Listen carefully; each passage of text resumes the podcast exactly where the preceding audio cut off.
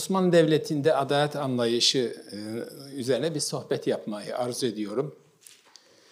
E, bugün e, siyaset ve hukuk literatüründe hukukun üstünlüğü veya hukuk hakimiyeti dediğimiz kavramın bizim medeniyetimizde, medeniyetimizdeki karşılığı adalettir. Ben önce temel referanslarımızda adalet nasıl anlaşılmış, nasıl ifade edilmiş, onu e, temas ettikten sonra Osmanlı Devleti'ndeki adalet anlayış ve uygulamasına e, temas etmek istiyorum. Şimdi tabii bizim inanç ve kültürümüzün en önemli referansı Kur'an-ı Kerim'de e, Allah Teala şöyle buyuruyor, Allah size adaleti emrediyor. Bir başka ayette ise yine bir topluluğa olan kininiz sizi adaletsizliğe sevk etmedi. E, adil olun çünkü o takvaya daha yakındır buyurmaktadır. Hz. Peygamber'in e, hadislerinde de adalet vurgusu önemli bir yer tutar.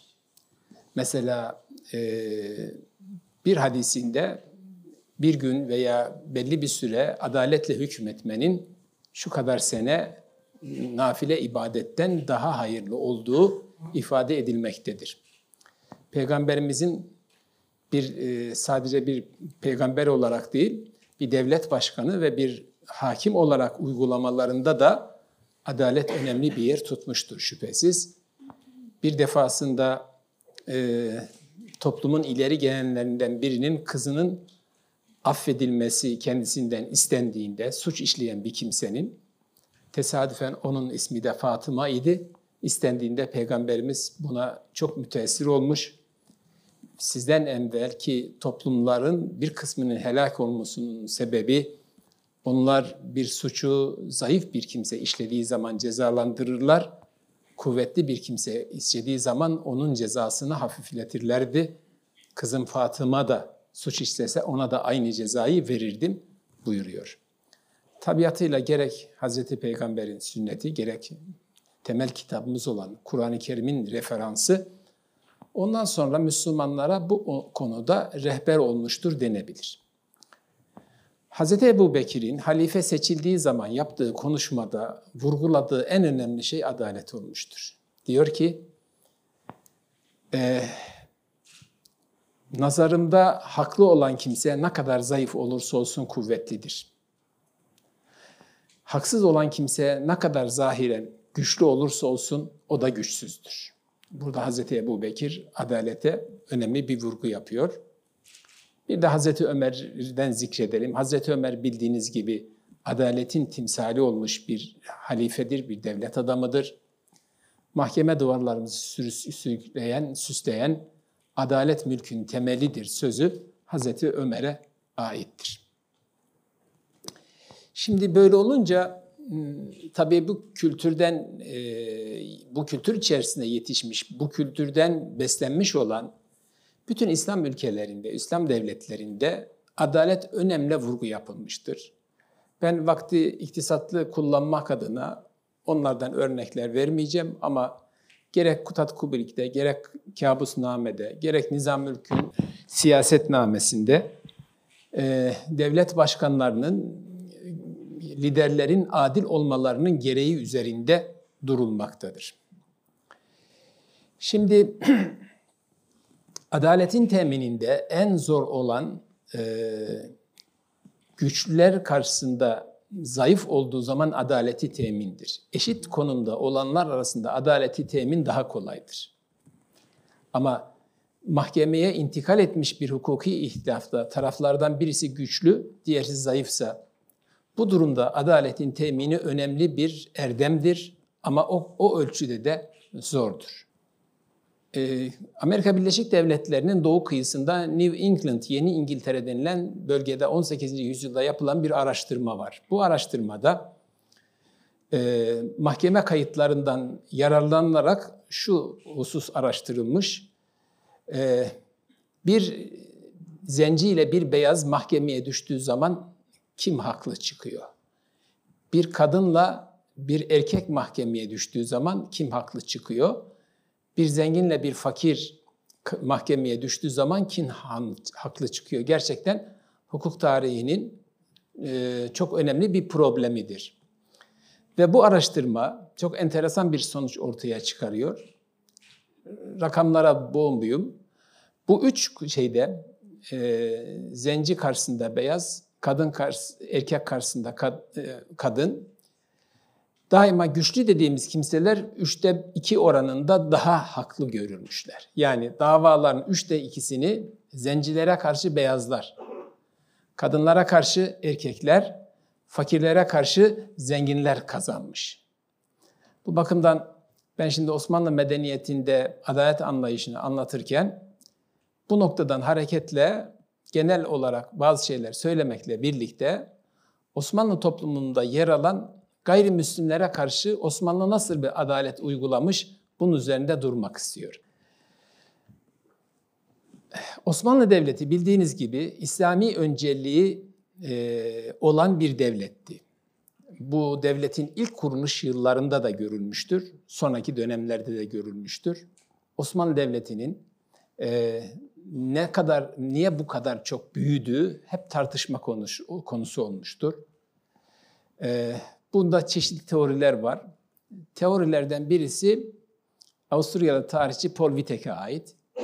Paul Wittek diyor ki Osmanlı Devleti'nin e, çünkü tarih bilgilerinizi gözünüzün önüne getirirseniz aslında Selçuklu Devleti, Anadolu Selçuklu Devleti yıkıldığında Anadolu'da bulunan beyliklerin en küçüklerinden birisi Osmanlı Beyliği'ydi. Yani e, o dönemde çok daha büyük e, efendim Karamanoğulları gibi, Candaroğulları gibi çok daha büyük beylikler vardı. En küçüğü Osmanlı Beyliği. Kayıp boyunu kurmuş oldu Osmanlı Beyliği'ydi. Tarihçiler hep şunu merak etmişlerdir. Bu küçük beylik nasıl oldu da diğer beyliklerin gerçekleştiremediğini gerçekleştirdi ve gerçekten İslam tarihinde de Türk tarihinde de en büyük ve en uzunlu, uzun ömürlü olan devleti kurdu. Bu bir e, tartışma konusudur. Burada Paul Wittek'in bir teorisi var. E, önemli ölçüde haklılığı var. Tamamını, e, gerçeğin bütününü şey etmese de, ortaya koymasa da. Paul Wittek diyor ki, kayı boyunun mensupları e, yeni Müslüman olmuş kimselerdi. Bunlar Müslümanlığı yeni kabul etmiş insanlardı. Müslümanlığı yeni kabul etmiş insanlarda da, topluluklarda da dini bağlılık çok güçlü olur. Bunlarda çok güçlü bir dini bağlılık vardı. Bu yüzden bu Bizans hududundaki kayı boyunun mensupları en önemli hedef olarak yeni kabul ettikleri bu dini yaymayı benimsediler. Gaza düşüncesi bunlarda son derece önemliydi. Bu şuradan da belli diyor. Çeşitli argümanlar, deliller ortaya koyuyor. İlk Osmanlı hükümdarlarının hepsinin en önemli özellikleri gazi olmaları. İşte Osman Gazi, Orhan Gazi, Murat Hüdavendigar Gazi yani hep bu e, özellikle e, efendim o dönemin önemli komutanları da gaziliği ön plana almışlardır. Bu sebeple diyor kuruluşunun hemen akabinde dikkatlerini, hedeflerini Anadolu'ya, diğer zaten Türkleşmiş, Müslümanlaşmış olan diğer beyliklere çevirmediler. Batıya çevirdiler çok kısa bir süre sonra. Trakya'ya, Rumeli'ye geçtiler. Çünkü Rumeli Müslümanlaşmamıştı, Müslümanlık orada yayılmamıştı. Ee, orada ilerlediler. Onlar ilerledikçe Anadolu'da bu dine kendileri gibi bağlı olan kimseleri çektiler. Böylece büyük bir nüfus göçü de oldu Osmanlılara. Osmanlı Devleti'nin büyüme, büyümesinde gaza ideolojisinin, düşüncesinin, cihat Allah'ın e, dinini yayma düşüncesinin önemli bir rolü var diyor. Tabii bunun Fuat Köprü'nün karşı tezleri var ama şu bir gerçek. Bu tezlerin hepsinin belli bir gerçeklik payı var ama şunu söylemeye çalışıyorum. Osmanlı Devleti'nin kuruluşundan itibaren dini düşünce, Allah'ın e, nizamını, düzenini, dinini yayma arzusu devleti kuranlarda ve idare edenlerde önemli bir yer işgal etmiştir. Yine Paul Wittek diyor ki, buna rağmen diyor, buna rağmen e, bu tür yeni Müslüman, yeni din değiştirmiş toplumlarda görülen bir şey Osmanlılarda olmadı. kimseyi zorla Müslüman yapmadılar diyor. Bunda da ilim adamlarının rolünden bahsediyor. Kuruluş döneminde devletin her kademesinde ilmiyeden çok insanlar vardı. Nitekim e, Fatih'e kadar vezir e, rütbesini, mansıbını almış olanlar hep ilmiye mensuplarıdır. Bunlar dinde zorlama olmadığı için kimseyi zorla Müslüman yapma hevesine düşmediler diyor. Şimdi ama şu bir gerçek, e, netice itibariyle Osmanlı Devleti zaman içerisinde büyüdükçe özellikle İstanbul'un fethinden sonra çok önemli bir gayrimüslim unsur da içinde barındırmıştır. Şimdi tabiatıyla dini önemseyen bir devlet, ana unsur Müslüman olan bir devlette beklenen şey normal olarak gayrimüslimleri bir öteki muamelesine tabi tutmaktır. Öte, gayrimüslimleri zorla Müslüman yaptırma arzusudur ve muamelelerinde ötekine tabi tutmaktır. Bu bütün e, farklı toplumlarda aslında zayıf olan kimselerin karşılaştıkları bir durumdur. Bu bakımdan ben genel olarak e, olayı ele almakla birlikte acaba Osmanlı yönetimi e, Osmanlı topluluğu bakımı, bakımından bir öteki konumunda olan yani hakim unsurun dışındaki bir unsur olan bir anlamda güçlü olmakla birlikte bir azınlık olan, güçlü bir azınlığı vardır gayrimüslimlerin. Yani yüzde otuz, yüzde kırk arasında e, son dönemlere kadar Osmanlı toplumunun e, şeyini nüfus yoğunluğunu gayrimüslimler oluşturmuştur. Ama söylediğim gibi e, hakim unsurda yer almamaktadırlar, yönetici kesimde yer almamaktadırlar. İşte bu ötekiye Osmanlı yönetimi nasıl muamele etmiştir? Bunun ben bu bakımdan bu, bunlara yönelik bir adaletin temini genel olarak Osmanlı Devleti'nde adalet anlayışının nasıl anlaşıldığını ve nasıl uygulandığını ortaya koyma bakımından öğretici olduğunu düşünüyorum. Şimdi tabiatıyla e, sadece Osmanlı Devleti'nde değil, diğer İslam devletlerinde de gayrimüslimler devletin özel olarak e, ayrı bir statü tanıdığı, yani bir hukuk süzesi olarak tanıdığı gruplar olmuşlardır. Hz. Peygamber'den itibaren hiçbir dönemde gayrimüslimlerin zorla Müslüman olması için çaba gösterilmemiştir. Denebilir ki peki cihat ne işe yarıyor o zaman? Aslında cihat zorla insanlara Müslümanlığı kabul etmek için değil, Müslüman olan olmak isteyen insanlara bu ortamın hazırlanmasını temin maksadıyla meşru kılınmıştır. Yoksa kimseyi zorla Müslüman yapılmak istememiştir. Kur'an-ı Kerim'de bu konuda çok açık net ayet vardır. Dinde zorlama yoktur. Ve bu e, ayetin inmesine vesile olan olay daha Hazreti Peygamber döneminde Yahudilerin kendi evlat edindikleri bir takım sahabenin çocuklarını beraber götürmeleri, biraz daha ayrıntı vereyim. Medine'de Müslümanlık yayılmadan önce Tabi Medine toplumunun zenginleri Yahudilerdi. Fakirleri Evs ve Hazrec kabilesiydi. Bunlardan çok çocuk sahibi olanlar çocuklarına çok iyi bakamadıklarından zaten iki kabilede birbirleriyle sürekli uğraştığından bunlar bazı zengin Yahudi ailelere çocuklarını vermişlerdi. Onlardan büyüyorlardı. Sonra Müslümanlık yayılınca burada ve Yahudiler de Medine'yi terk etmeye başlayınca e, evlat edindikleri çocuklarını yani evlatlıklarını götürmek istediler. Medineli Müslümanlar da artık din değiştirdiklerinden, dini bir şuur kazandıklarından çocuklarını vermek istemediler. Onun üzerine bu ayet indi. Dinde zorlama yoktur. Zorlamayın diye.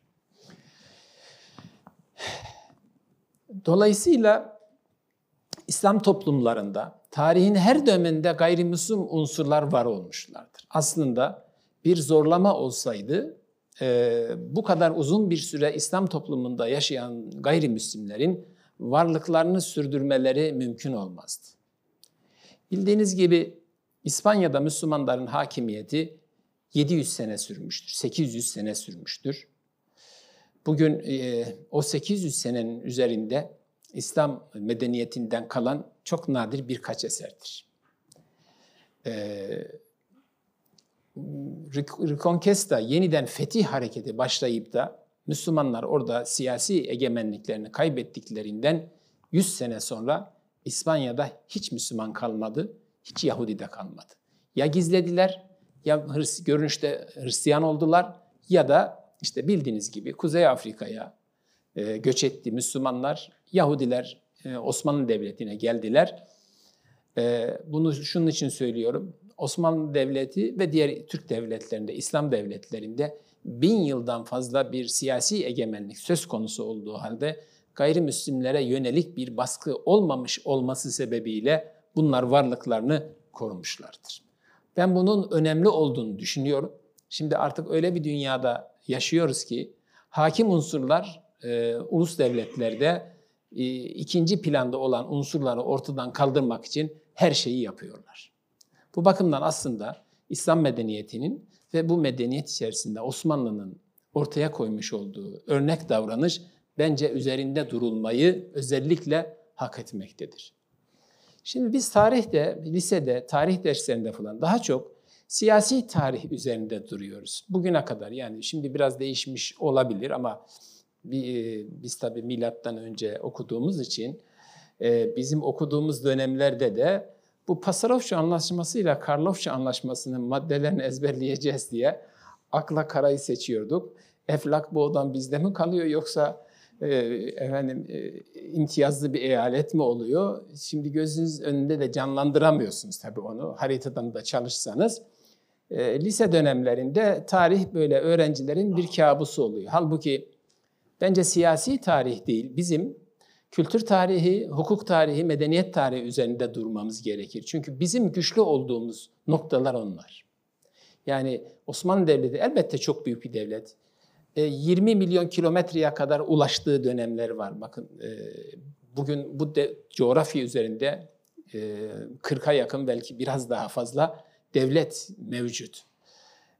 Ama bu kadar büyük devletler tarihte hep kurulmuş bizim güçlü olduğumuz taraf bunlar olmakla birlikte medeniyet tarihine e, yapmış olduğumuz katkıdır. E, dünya medeniyet tarihine bizim medeniyetimizin katkıdır. Medeniyetin kalitesi aslında e, ortaya koyduğu maddi eserler değildir. Bir medeniyetin kalitesi sağladığı, yaşayan kendisinde yaşayan müntesiplerine sağladığı can ve mal güvenliğiyle sağladığı huzur ve mutluluktur. Şimdi e, Mısır'a giderseniz e, 5000 yıl geçmişi olan piramitleri gezdirirler. Rehberler övüne övüne anlatırlar. Doğru.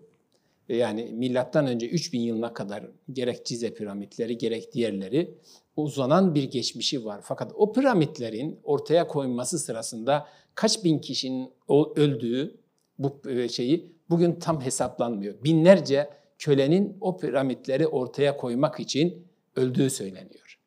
Dolayısıyla bugüne gelmiş olması o medeniyetin o dönemin insanına mutluluk verdiği, huzur verdiği, güven verdiği anlamına gelmiyor. Bu bakımdan aslında medeniyetin kalitesi müntesiplerine verdiği huzurla, can ve mal emniyetiyle ölçülmelidir. Bu noktada genel olarak İslam medeniyetinin özel olarak Osmanlı medeniyetinin ben üzerinde durmak gerektiği kanaatindeyim. Şimdi e, Fatih'in İstanbul'u fethinden e, itibaren gayrimüslimlerle ilgili belgeler günümüze daha çok gelmiştir. Fatih İstanbul'u fethettiği zaman bir defa e, fethinde de Osmanlı yönetiminin Balkanlarda sergilediği yönetim anlayışının önemli bir rol olduğunu oynadığını görüyoruz. Yani o tarihi hadiseyi biraz gözümüzün önüne getirirsek Bizans İstanbul'un fethedilmesini önlemek için Ortodoks mezhebinden vazgeçmeye, Katolik mezhebini kabul etmeye, iki kiliseyi birleştirmeye bile razı olmuş Bizans İmparatorluğu. Heyetler gitti, papalığa heyetler gitti. Fakat e, Ortodoks din adamları, İstanbul'daki Ortodoks din adamları ve İstanbul ahalisi buna şiddetle karşı çıktılar. Karşı çıkmalarının sebebi İstanbul Haçlı Seferleri sırasında 1200-1250 yılları 60 yıllar arasında bir Latin yönetimini yaşamıştı. Katolik Latin yönetimini yaşamıştı ve bu yönetim sırasında gerçekten çok büyük zulümlere, mezhepleri farklı olduğu için İstanbul Ortodoksları, Bizans Ortodoksları çok büyük zulümlere maruz kaldılar. Bu yüzden e, Katoliklikle birleşme ve böylece İstanbul'u Türklere karşı koruma e, alternatifi ortaya çıktığında hem Ortodoks Kilisesi hem de İstanbul halkı buna şiddetle karşı koydular. Niye karşı koydular? Çünkü Balkanlarda Osmanlılar ilerledikçe oradaki oradaki oradaki Ortodoks halka e, ne Müslümanlığı dayattılar ne de onlara herhangi bir mezhebi mecbur tuttular. Bu yüzden de iyi bir şöhreti vardı Osmanlı yönetiminin. İstanbul fethi öncesinde bu şöhretin faydasını gördü. O meşhur laf işte o zaman söylendi bir Bizanslı devlet adamı tarafından. Burada Latin serpuşu görmektense Katolik serpuşu Müslüman sarığı görmeyi tercih ederiz diye. Şimdi Fatih İstanbul'u fethettiği zaman e, gerçekten çok akıllı bir siyasetle e, Ortodoksları Katoliklere yaklaştırmadı. Gennadius'i ki e, Katoliklikle birleşme aleyhtarı bir din adamıydı. Gennadius'i patrik yaptı. Hristiyanlara verdiği bir berat var. Metin olarak bu berat elimizde değil. Bir yangıdan yandığı söyleniyor. Ama aynı esaslara sahip mesela Galata'da Cenevizlilere verilen bir berat var. Onun metni elimizde.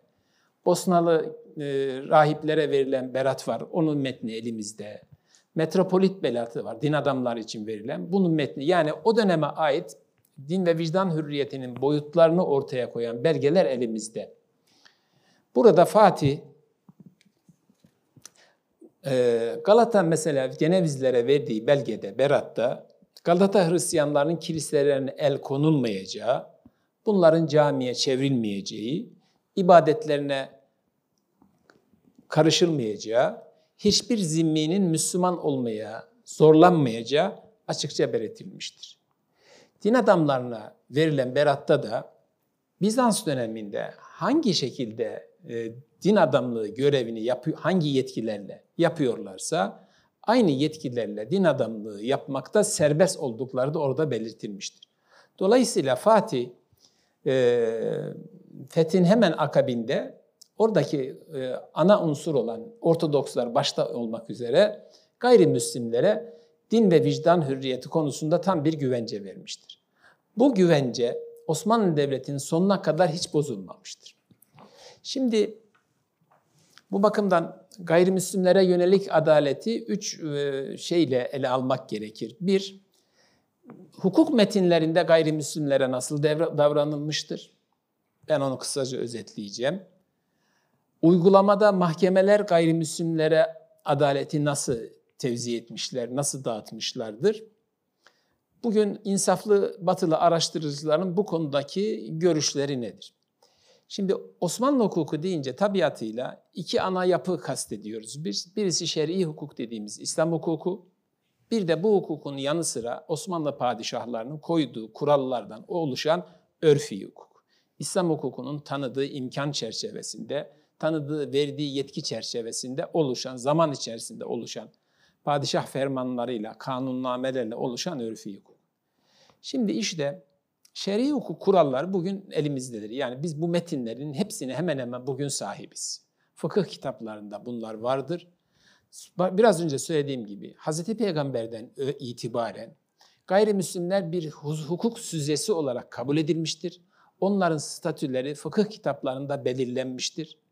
Ve tarih boyunca bu fıkıh kitaplarında yer alan kurallar gayrimüslimlere uygulanmıştır.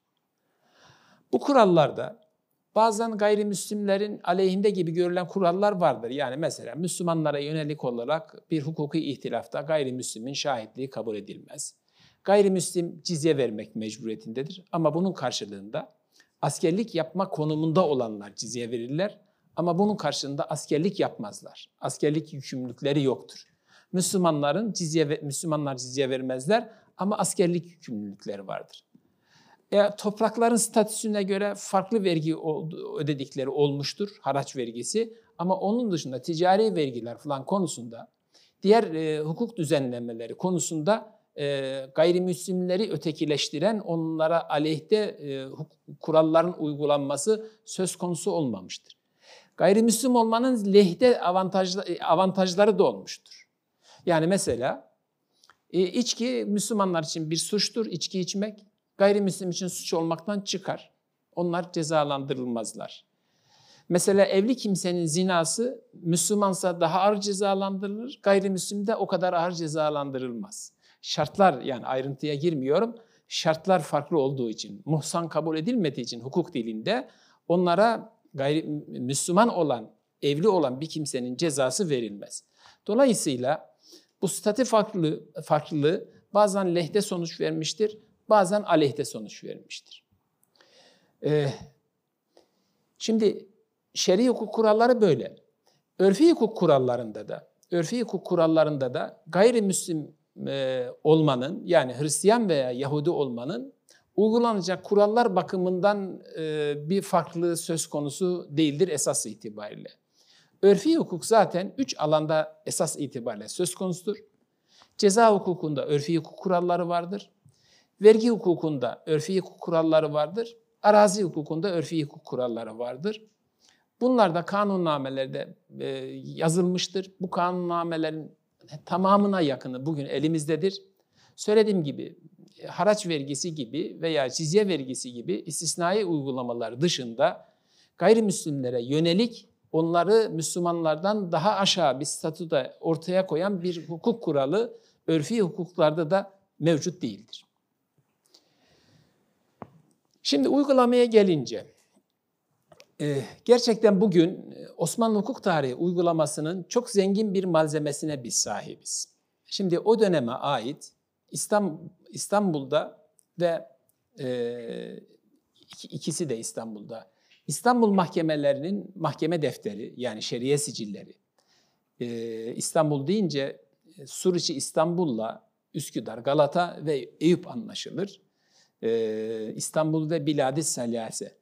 Bunun bugüne kadar orijinal olarak gelmiş 10 binden fazla defteri var. Mahkeme defteri. Mahkemede kadıların verdikleri hükümleri ve diğer yaptıkları işleri, e, yazdıkları defterleri var, seriye sicilleri.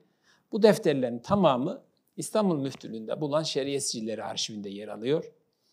Bu defterlerin elektronik kopyaları İslam Araştırmaları Merkezi, Üsküdar'daki İslam Araştırmaları Merkezi'nde var. Oraya oturduğunuz zaman eğer Osmanlıca okuyabiliyorsanız, o kültüre vakıfsanız istediğiniz defteri orada görmeniz, okumanız mümkün. Gerçekten tarihçilere, hukuk tarihçilere bugün çok iyi bir imkan var. Ee, Anadolu ve e, Trakya'daki yani Türkiye sınırları içerisindeki defterlerde Başbakanlık Osmanlı Arşivinde, Kağıthane'de, onların çok e, küçük bir kısmı Topkapı Sarayı'ndaydı. Onlar da şimdi Kağıthane'ye nakledildi. Kağıthane'de var. Dolayısıyla 20 binden fazla defter bugüne kadar gelmiş bulunmuyor. Bu Osmanlı hukukunun nasıl uygulandığını ortaya koymak bakımından müstesna zengin bir kaynak. Bir de merkez yönetimin gayrimüslimlerle Müslümanlarla bütün Osmanlı tebası ile ilgili yaptığı işlemlere ait bugün 150 milyon tahmin edilen bir belge yığınımız var. Yine o da kağıthanede bulunan Başbakanlık Osmanlı Arşivinde. Bunların belki 150 milyonun ancak şu anda onda biri tasnif edilmiş vaziyette. Ama netice itibariyle yerli yabancı bugün bu mahkeme defterleri olsun, diğer belgeleri olsun inceleyerek e, Osmanlı hukuk uygulamasının nasıl bir portre ortaya koyduğu, ne kadar taraflı, ne kadar tarafsız olduğunu sağlıklı bir şekilde e, anlama, değerlendirme, tespit etme imkanına sahibiz. Şimdi e, Osmanlılarda bütün davalar e, ister medeni hukuk, ister ticaret hukuku, ister e, efendim e, ceza hukuku, ister medeni hukukun alt dalları olsun, bütün davalara bakan bir tek mahkeme var. Bir tek ka- kadının, hakimin görev yaptığı şeriye mahkemesi. Müslüman da buraya e, başvuruyor, gayrimüslim de buraya başvuruyor. Şimdi bu defterlerden biz İstanbul'a ait 40 defteri neşrettik geçtiğimiz yıllarda. Ee, bu söylediğim İstanbul, Suruçi İstanbul'a ait, Üsküdar, Galata ve Eyüp'e ait. 1650'lere kadar e, getirdik bu defteri. E, Coşkun da burada sağ olsun bize yardım ediyor. E, yüksek lisans talebesi tarihte. Şimdi 1900'lere kadar 50 cilt daha neşrediyoruz. E, bu 40 defterin tamamı e, internette var. Metinlerin hepsini biz oraya koyduk. Şimdi 50 cilt daha neşredeceğiz. Onu da 35 ciltini hemen hemen bitirdik.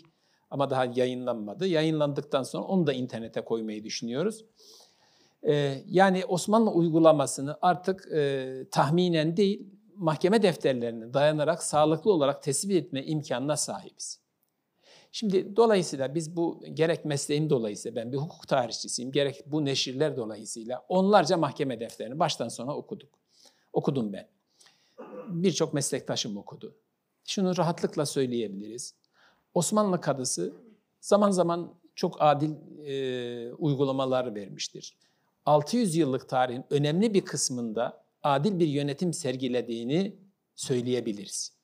Bu her zaman adil olmuştur, hiç adaletten ayrılmamıştır demek anlamına gelmiyor tabiatıyla. İnsanın olduğu her yerde doğrular da vardır, yanlışlar da vardır. Fakat şu bir gerçek ki genel olarak Osmanlı bürokrasisi içerisinde, yönetimi içerisinde adil olma noktasında Osmanlı hukukçuları daha başarılı olmuşlardır. Şimdi böyle olmakla birlikte dediğim gibi adaletin yüzde yüz gerçekleştiğini söyleyemeyiz. Ama şunu söyleyebilirim. Yani gördüğüm bugüne kadar incelediğim mahkeme defterleri ışığında. Osmanlı kadıları önüne gelen davalarda Müslüman gayrimüslim ayrımı yapmamışlardır. Yani şimdiye kadar okuduğum hiçbir kaynakta, hiçbir kaynakta gayrimüslim olduğu için bir insana farklı muamele yapıldığına şahit olmadım. Bu şuradan da e, belli. Şimdi Osmanlı'nın gayrimüslimlere çünkü onu bir Allah'ın emaneti olarak İslam dininin temel anlayışı budur. Yani zimmiler Allah'ın bir emanetidir. Dini farklı olabilir. Dininin bir problemi öbür dünyada karşısına çıkacak. Bu dünyada çıkmayacak. Ee, bu anlayış olduğu için bütün Müslümanlarda gayrimüslimlere bu sebeple Müslüman olmadıkları için özel bir haksızlık yapılmasını meşru kabul etmemişlerdir. Bunun tipik anla göstergesi, bunun bu sözümü, doğruluğunu ortaya koyan. Şimdi Osmanlı yönetimi, diğer İslam devletlerinde de öyleydi. Hukukun belli alanlarında gayrimüslimlere bir tür hukuki ve adli otonomi vermişlerdi. Hangi alanda? Aile hukuku, miras hukuku, ahval-i şahsi alanda. Çünkü bu alan aile hukuku hem kilise hukukunda hem Yahudi hukukunda dini ağırlıklı bir alandır. Mesela Hristiyanlıkta nikah bir sakramenttir, bir kutsal ayindir. Hristiyanlığın sakramentleri var, kutsal ayinleri. Nikah bunlardan birisidir. Mutlaka kilisede kıyılır.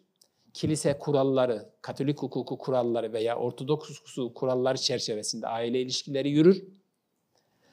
Kilisede kıyılmayan ve bir ruhbanın, bir rahibin kıymadığı nikah geçerli değildir. Böyle bir dini özelliği olduğu için bu alanda onlara kendi hukuklarını uygulama konusunda izin vermek bir din ve vicdan hürriyeti olarak kabul edilmiştir. Yani bu yüzden de Osmanlı Devleti'nde cemaat mahkemesi dediğimiz mahkemeler e, gayrimüslimler, ister Yahudi olsun ister Hristiyan olsun serbestçe gelme imkanına sahiptiler. Onlar geldik başvurdukları zaman kendi mahkemelerine bunlara kendi hukukları uygulan. Osmanlı yönetimi karışmıyor aile hukuku, işte ahval-i şahsiye dışındaki hukukun bütün dallarında Osmanlı Mahkemesi'ne başvurmak mecburiyetindeydiler. Ama eğer isterlerse aile hukukunda da Osmanlı Mahkemesi'ne gelme hakları vardı. O zaman da kendilerine kilise hukuku değil, İslam hukuku uygulanıyordu. Bir seçim hakkı vardı yani. Dini hukuku uygulamak istiyorlarsa cemaat mahkemesine başvuruyorlar. Eğer devletin hukukunu, çünkü hukukta mülkülük esası Osmanlı Devleti'nde de devletin hukukunu uygulatmak istiyorlarsa Osmanlı Mahkemesi, Şeria Mahkemesi'ne geliyorlardı. Şimdi neşrettiğimiz defterlerde çok açık olarak görebilirsiniz. Bizim diğer okuduğumuz defterlerde de mahkeme defterlerinde çok sayıda gayrimüslimlerin aile hukuku problemlerini Osmanlı Mahkemesi'ne getirdiklerini görüyoruz. Mecbur olmadıkları halde getirdiklerini görüyoruz. Öyle ki zaman zaman özellikle patrik, patrikler Osmanlı yönetimine başvurmuşlardır. Osmanlı Mahkemesi bizim e, efendim zimmilerin davalarını, bu tür davalarını kabul etmesin diye. Niye? Çünkü e, mahkemeye başvurduğu zaman gerek evlenme gerek boşanma bir harç alınıyor. E, o harç e, cemaat mahkemesine başvurduğu zaman cemaat mahkemesi alıyor. Osmanlı mahkemesine başvurduğu zaman Osmanlı mahkemesi alıyor. Yani e, gayrimüslim e, efendim ruhani reislerin, haham başılığın, patrikhanenin, Ermeni patrikhanesinin en önemli gelir kaynaklarından birisi bu. Ve aynı zamanda bu vesileyle kendi cemaati üzerinde bir otorite de temin edebiliyorlar. İnsanların hepsi evlendikleri için, mesela aile hukuku herkesi az çok ilgilendiren bu alan. Bu sebeple de sürekli Osmanlı padişahına başvurmuşlardır. Tabiatıyla Osmanlı padişahı bunu yasaklamamış, yasaklayamamıştır. Çünkü yasaklaması mümkün değildir. Sadece şunu söylemiştir, eğer cemaat mahkemesine gidiyorlarsa bunlara karışmayın. Dolayısıyla e, Osmanlı tarihi boyunca 1917'ye kadar cemaat mahkemeleri var olmakla birlikte çok ciddi bir sayıda gayrimüslimler Osmanlı mahkemesini tercih etmişlerdir. Bu şunu ortaya koyuyor ki gerçekten Osmanlı hukuk uygulamasında kadılar karşısında gelen insanların Müslüman mı Hristiyan mı olmasına dikkat etmemişlerdir. Kayseri Şeriye Sicillerinde çalışan e, Ronald Jennings diyor ki Kayseri mahkeme defterlerinin 25 yılını ben doktora tezimde inceledim. Bu tezim sırasında Kayseri kadısının gayrimüslimlere ki e, Kayseri'de çok yoğun bir gayrimüslim nüfus vardı o zamanlar. Ben Kayseri kadısının bu 25 bin 25 sene zarfında dinlerine bağlı olarak gayrimüslimlere farklı bir muamele yaptığına şahit olmadım diyor. Çünkü farklı bir muamele yapıldığında Osmanlı şöyle bir sistem de kurmuştu. Mahalli mahkemelerin kararları kesin olmakla birlikte hakkının yendiğini inanan insanların bir üst mahkeme olan çeşitli mahkemelere başvurma hakkı vardı. Bunların başında Divan-ı Hümayun geliyor. Divan-ı Hümayun geliyor. Divan-ı Hümayun padişah divanı ya bizzat gelerek ya e, bir, birisini vekil yaparak veya yazılı bir dilekçeyle bu divana başvurmak mümkündür. Bunun belgeleri de Osmanlı arşivini doldurmuştur. Çok sayıda belge var bu başvurular. Divan-ı Hümayun, işte başlangıç yıl senelerinde her sene, daha sonra haftanın dört günü, sonra biraz daha azalıyor. Ee, toplanarak devletin siyasi idari problemlerini çözerken divanda bulunan en önemli kadı konumundaki Rumeli Kazaskeri tarafından da bu divana intikal eden bütün hukuki şikayetleri dinlerdi. Osmanlı padişahları cuma namazlarını genelde kendi yaptırdıkları camide kılmayı alışkanlık haline getirmişlerdir. Tabi padişah dediğiniz bizden bir insan değil bizim gibi büyük bir merasimle camiye gidilir, büyük bir merasimle gelinir. Buna cuma selamlığı denmekteydi. Mesela Kanuni ele alın. Kanun Topkapı Sarayı'ndan Süleymaniye'ye giderken büyük bir merasim var. Halk o gün televizyon falan da olmadığından böyle etkinlikler çok fazla yok. Halk e, padişahın geçtiği yolları doldururdu. İşte o cuma selamlığında, cuma selamlığında padişaha dilekçe vermek isteyenler dilekçelerini verirlerdi. Padişahın görevli adamları da bu dilekçeleri toplarlar. Padişah onları Divan-ı Hümayun'una havale eder listeler halinde. Ben bu listelerden gördüm mesela. Divan-ı Hümayun'a göndermiş padişah. Padişahın gönderdiği listenin problemi çözüldükten sonra padişaha bilgi vermek de gerekiyor. Kaldı ki Fatih dönemine kadar Divan-ı bizzat padişah başkanlık yapmıştır. Fatih döneminden sonra başkanlık sadrazam tarafından yapılmıştır. Fatih kendisini biraz geri plana çekmiştir. Ama o divanın toplandığı kubbe altı denilen yerin yukarısında bir pencere, içerisini göstermeyen böyle aralıklı bir pencere vardır. Adalet penceresi ismini taşır. O pencereden padişah divan toplantılarını kendisini göstermeden izleme imkanına sahipti. İzlediği de izlemediği de bilinmediği için her zaman divan toplantılar çok ciddi geçmiştir. Yabancı gözlemcilerin de tespitleri böyledir. Yani divanın ya hiç böyle hakkın yenmediği, adaletin çiğnenmediği bir toplantı varsa o divan mutlak divanı Hümayun toplantılarıdır derler. Çünkü bir problem olduğu zaman padişah pencereye vurur, divan hemen sonra ererdi. Bunun örnekleri var. Örnekleri var. Dolayısıyla Müslüman olsun gayrimüslim olsun mahalli mahkemelerde hakkını yendiğini düşünenler padişah divanına başvurma hakkına sahiptiler. Bu başvuruların cuma selamında çok olduğu da e, anlaşılıyor. E, enteresan bir uygulama var. Ben onu muhtelif şeylerde söylerim. Çok kalabalık olduğu için dilekçe sahipleri dilekçelerini vermeme ihtimali ile de karşı karşıyadırlar. Dilekçesi olduğunu duyurmak için küçük bir e, hasır sepetler vardı o zamanlar kullanılır. Bizim e, gençliğimizde de kullanırdık biz. Bir hasır yakarlar, bir ufak duman çıkar. Ufak duman çıkması benim bir dilekçem var anlamına geliyor. Ve dumanın çıktığı yere görevli gidiyor, dilekçeyi alıyor. Hasır yakmak bir tabir olarak yerleşmiştir edebiyata. Hasır yakmak ne demek? Padişaha şikayet etmek anlamına geliyor. Dolayısıyla bazen mahkemelerde veya beylerbeyi, subaşı gibi, efendim sipahi gibi kamu görevlilerine yönelik işlemlerde biz Osmanlı insanının mahkemeyi veya beylerbeyini tehdit ettiğini görüyoruz. Benim işimi dikkatli göresin, hasır yakarım. Bu padişaha şikayet ederim anlamına geliyor. Şimdi dediğim gibi bu listeler Başbakanlık Osmanlı arşivinde var. Bunların bir kısmını ben şahsen gördüm. Bu şikayetler yok mu? Var. Fakat doğrusu dinim Hristiyan olduğu için, Yahudi olduğu için bana farklı muamele yapıldı diye bir şikayete ben rastlamadım. Dolayısıyla halkın şikayeti Osmanlı padişahlarının çok önem verdiği bir noktadır. Çünkü şikayet etmesi demek halkın rahatsız olması anlamına geliyor. Rahatsız olması çığ gibi büyüyen bir problemdir ve sonunda taht değişikliğine, padişah değişikliğine bile yol açar. Dolayısıyla Osmanlı padişahları tarih boyunca halkın şikayetlerine çok önem vermişlerdir. Zaten genel olarak İslam tarihinde hükümdarların divan kurarak halkın şikayetleri dinlemeleri önemli bir gelenek olmuştur. Hatta Anadolu Selçuklularında Anadolu Selçuklu hükümdarı senede bir gün mahkemeye gelir, e, efendim sanık sandalyesine oturur, kendisinden şikayetçi kimse var mı onu beklerdi. Bu bir gelenekti. Bu İslam öncesinden gelen bir gelenektir. Sasanilerde de böyle bir gelenek vardı.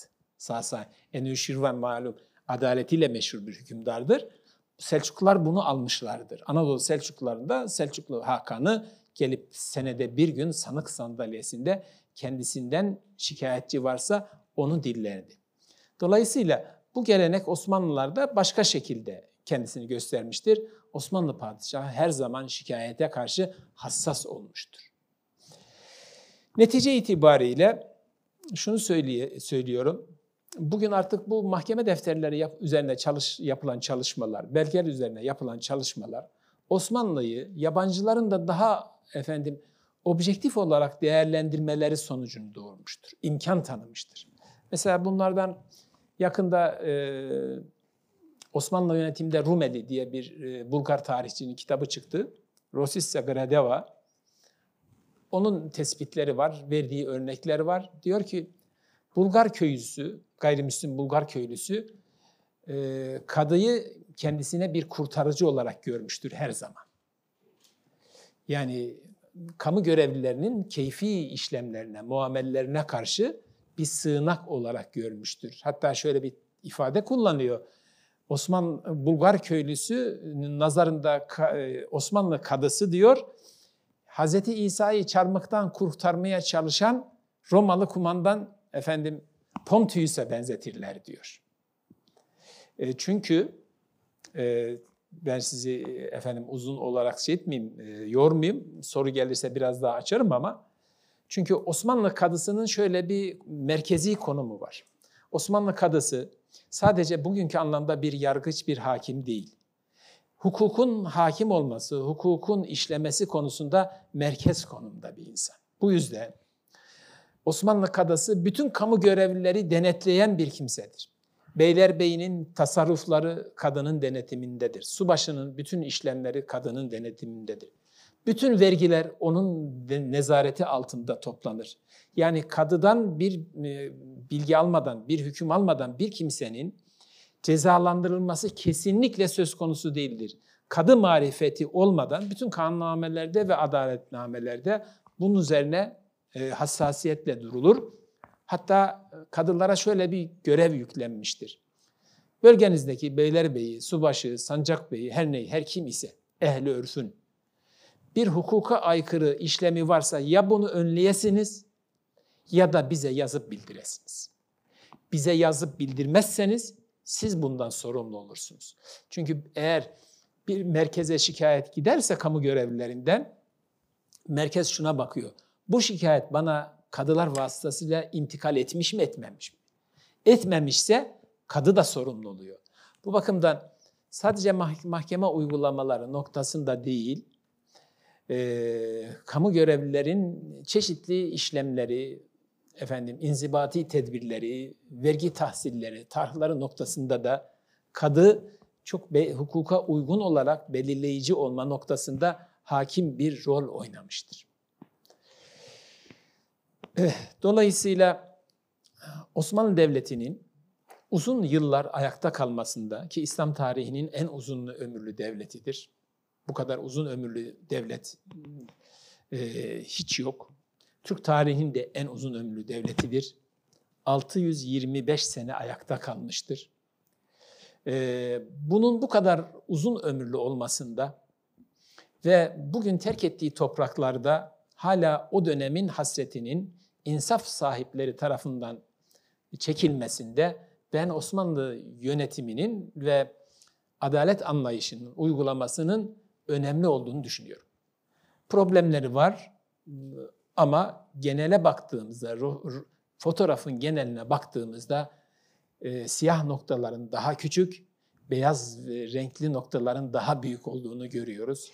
Bence Osmanlı tarihinin sonuç itibariyle bizim üzerimizde durmamız gereken tarafı sosyal tarih tarafı, medeniyet tarihi tarafı ve hukuk tarihi tarafıdır. Eh 50 dakikayı buldu. Ee, bir ders saatini doldurduk. Soru olursa bazı noktalarda biraz daha açabilirim. Ee, teşekkür ederim.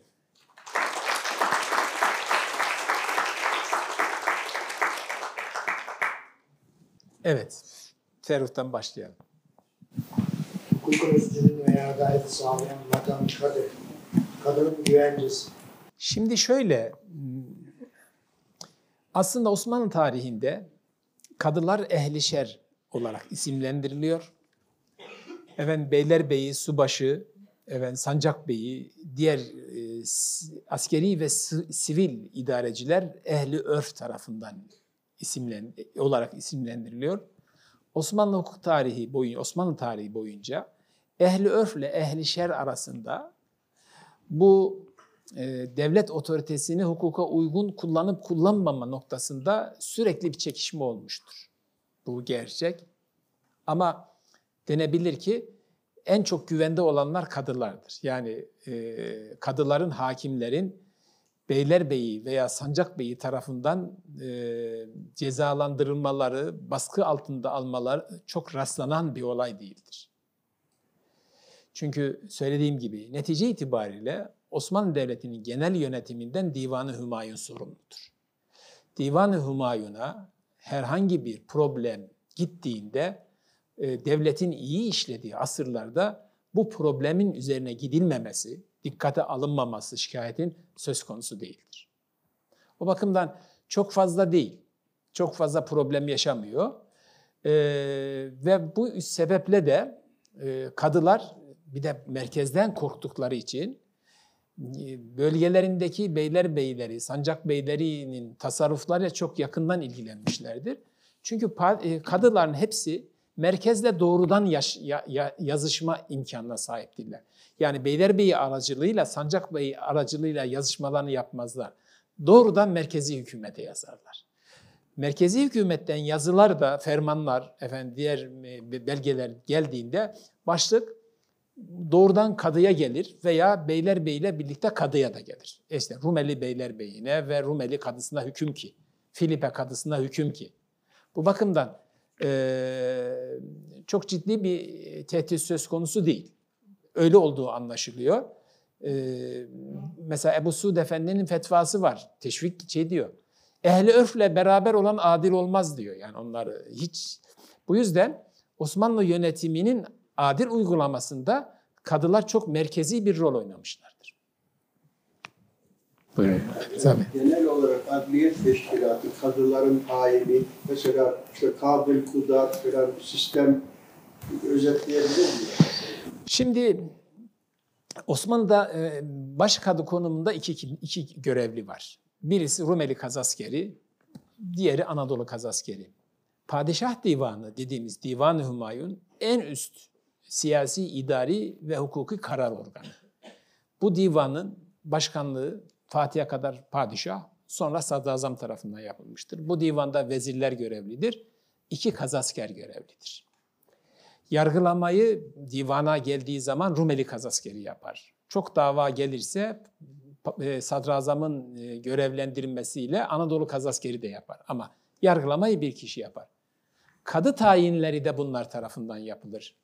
Şeye kadar, Ebu Suud Efendi'ye kadar. Şeyhülislam çok önemli bir kimsedir Osmanlı hukuk sisteminde. Ama Şeyhülislam divan üyesi değildir. Çünkü Osmanlı sisteminde sadrazamla protokol bakımından Şeyhülislam aynı seviyededir. Yani Şeyhülislam padişahın dini işlerde vekilidir. Sadrazam padişahın idari siyasi işlerde vekilidir. Divan-ı Hümayun'a sadrazam başkanlık ettiği için onun aslı konumuna düşürülmemiştir. Şeyhülislam divan üyesi değildir. Divanda Rumeli ve Anadolu kazaskeri vardır. Ebu Suud Efendi'ye kadar bütün kadı tayinleri, Rumeli'deki Rumeli ve Kuzey Afrika'daki kadı tayinleri Rumeli kazaskeri tarafından, Anadolu'daki kadı tayinleri Anadolu kazaskeri tarafından yapılmıştır. Ebu Suud Efendi o meşhur işte İrşad-ı Aklı Selim isimli tefsirini yazdığında e, tabii hakikaten o günden bugüne hala çok kullanılan bir tefsirdir. Ali Rıza Bey sizin sahanız. E, padişaha sunduğunda e, enteresan bir şey onu da söyleyeyim. E, Rumeli kazaskeri ve Anadolu kazaskeri 500 akçe maaş alırlardı. Bu 16. asrın ortalarına kadar. Şeyhülislam çok önemli bir e, mevki ama maaşları düşüktü. 200 akçeydi günlük. Yani 200 akçe de çok iyi bir rakam da o devirde ve memur olmak gerekiyormuş. İrşad Aklı Selim'in yarısını beyaza çekip gönderince padişah çok mutlu oluyor. Ee, Ebu Suud Efendi'nin maaşını hemen 600 akçeye çıkarıyor. Damadıyla gönderiyor. Pardon 500 akçeye çıkarıyor. Yanlış söyledim. Kalan yarısını da yazıp gönderince bir 100 akçe daha yapıyor. Ee, Ebu Suud Efendi ve böyle o sırada başka bir şey daha yapıyor. Büyük kadılıkları tayin yetkisini Ebu Suud Efendi'ye, Şeyhülislam'a veriyor. Ebu Suud Efendi bundan hoşlanmıyor. Yüküm arttı diyor. Ama padişah böyle istiyor. Ondan sonra e, idari bakımdan Şeyhülislamlar yavaş yavaş ön plana çıkıyorlar. 600 akçe dediğiniz Ebu Suud Efendi Zeyrek'te bir köşkü var, köşkü vardı. Ee, o köşkten saraya yürüdüğü bir yol var. Bugün hala aynı isimle anılıyor. Ebu Suud Caddesi var Sirkeci'de değil mi? Gülhane Parkı'na çıkan cadde Ebu Suud Caddesi. Sonra Kasımpaşa'da bir sahil sarayı var Ebu Suud Efendi'nin. Yani imkanlarını söylemeye çalışıyorum. Yaptığı hayırlar var. Eyüp'te biliyorsunuz medresesi var, camisi var. Kendisi de orada metfun. E, dolayısıyla Ebu Suud Efendi'den itibaren gittikçe önemli önce önemli büyük kadılıklar, Mevleviyeddin'in sonra diğer kadılıklar falan meşihata, şehirlislamlığa geçmiştir. Ama Ebu Suud Efendi'ye kadar kadı tayinlerinde kazaskerler yetkilidir. Rica ederim. Buyurun. Hocam, kadıların seçilmesindeki yeterliliklerine çalışmalar Şimdi e, tabii Osmanlı'da medrese genel bir eğitim kurumu ama medresenin en önemli eğitim alanı denebilir ki hukuk.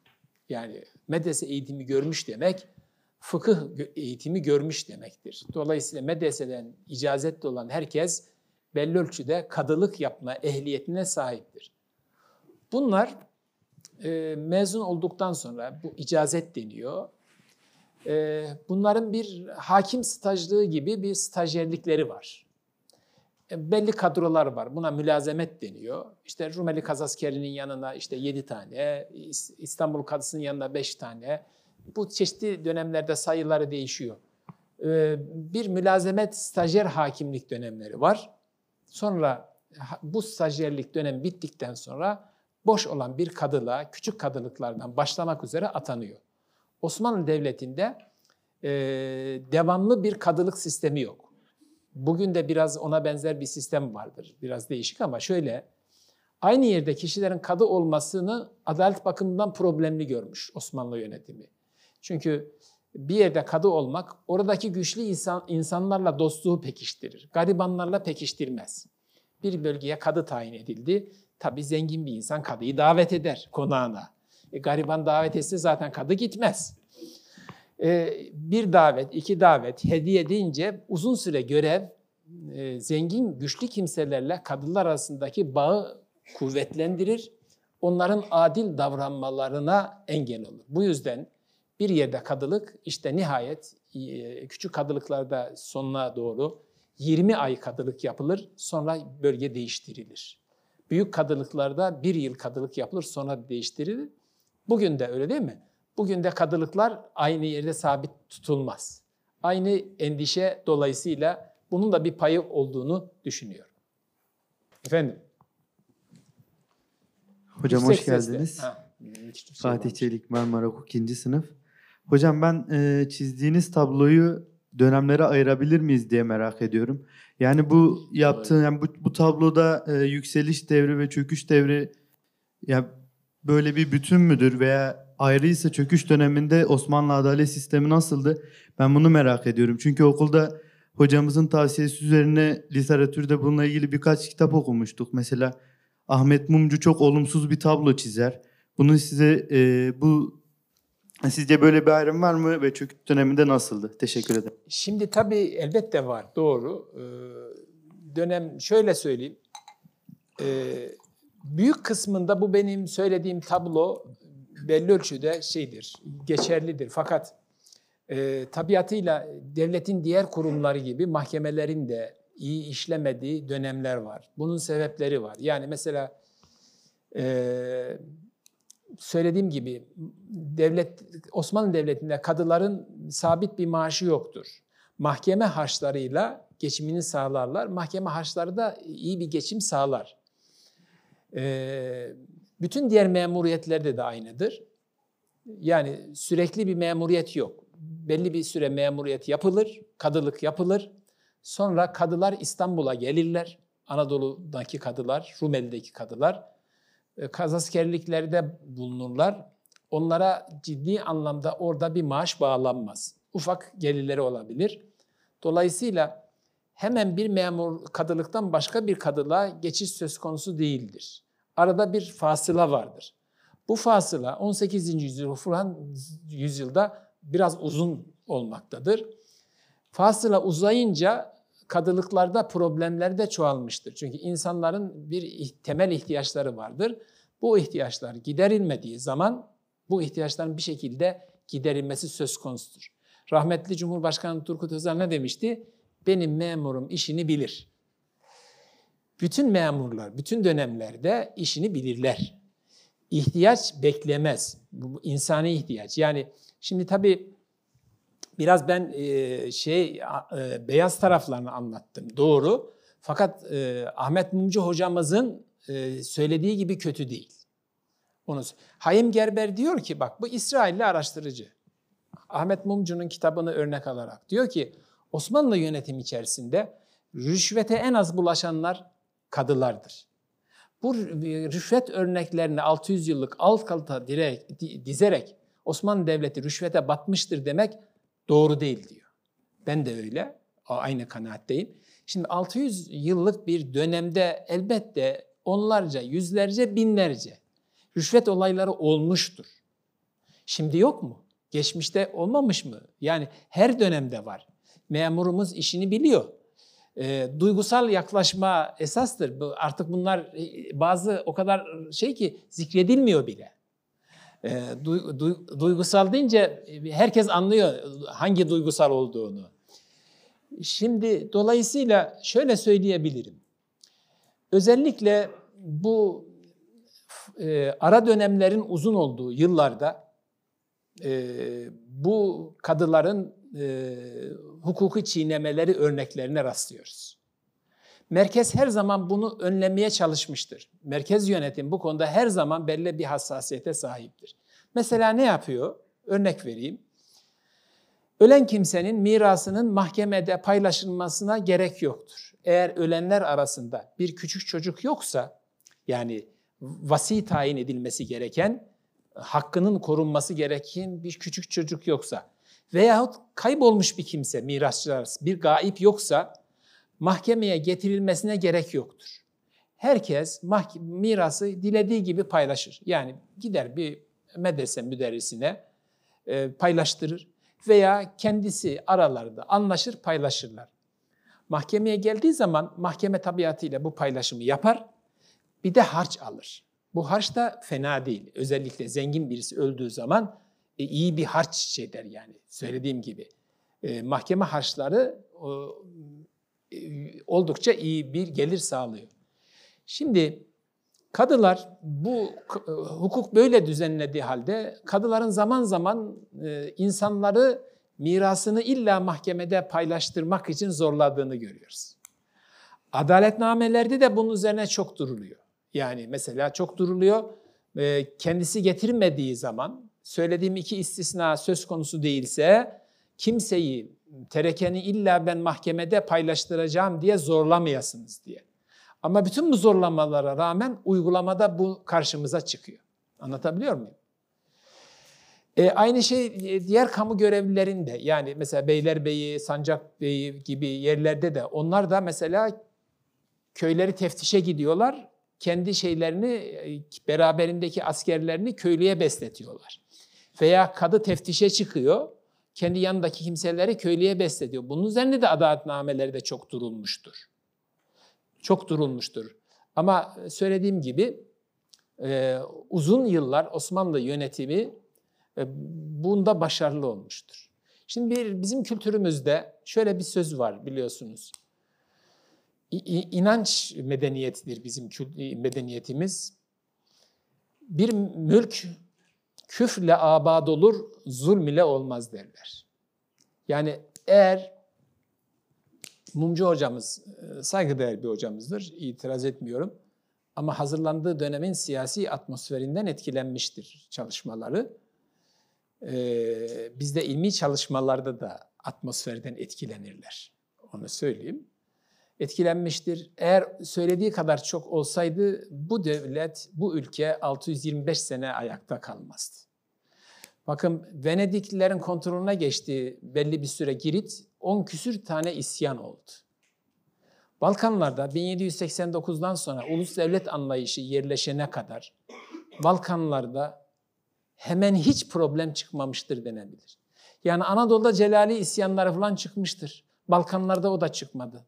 Yani gayrimüslimlerin yoğun olduğu ve isyan etme ihtimalinin çok daha kuvvetli olduğu bölgelerde uzun Osmanlı tarihi boyunca ciddi bir iç problem hiç olmamıştır.